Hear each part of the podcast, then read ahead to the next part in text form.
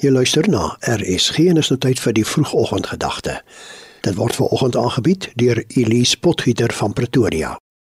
Daar was eendag 'n meisie wat by haar pa gekla het dat haar lewe so moeilik is. Sy was moeg en sy het gevoel sodra een probleem opgelos is, 'n ander sou opduik. Die meisie se pa het haar na die kombuis geneem. Hy het 3 potte water op die stoof gesit en laat kook. Hy het aardappels in die een pot geplaas, eiers in 'n ander en gemaalde koffiebone in die laaste pot. Hy het die stoof na 20 minute afgeskakel en die aardappels, eiers en koffie uitgeskep.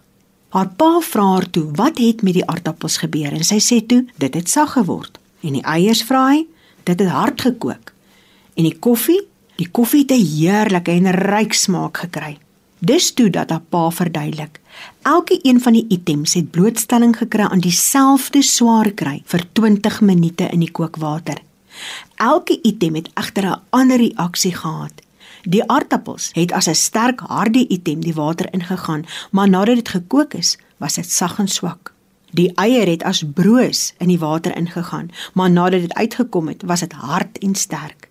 Die gemaalde koffiebone was egter anders. Nadat dit aan die kookwater blootgestel was, het hulle 'n gewone kookwater verander om iets nuuts te skep. Heerlike koffie. Hy vra toe vir sy dogter: "Watter een van die items is jy as jy teëspoed ervaar? Word jy sag en swak? Word jy hard of verander jy die situasie?"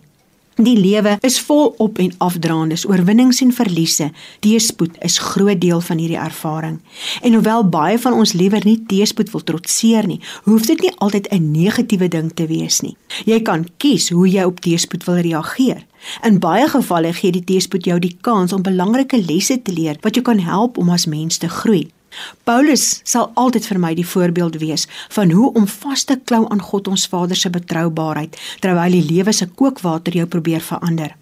Hy sit in die tronk en hy skryf aan die Filippense: Ek wil hê julle moet weet broers dat wat my oorgekom het, juis die verkondiging van die evangelie bevorder. Dit het daarop uitgeloop dat die hele keiserlike wag en al die ander nou besef dat dit ter wille van Christus is dat ek 'n gevangene is. Deur my boeye is die meeste broers ook in hulle vertroue op die Here gesterk en hulle waag dit al hoe meer om die woord van God onbevreesd te verkondig. Paulus het sy Romeinse soldate wagte tot bekering gebring. Hy was so opgewonde daaroor dat hy vir sy gemeente sê om nie te bekommer nie. En daarom bid ons vanoggend Vader in die naam van Jesus Christus maak my asseblief sterk sodat ek u wil sal ken en doen. Amen. Dit was dan die vroegoggendgedagte hier op RSG, aangebied deur Elise Potgieter van Pretoria.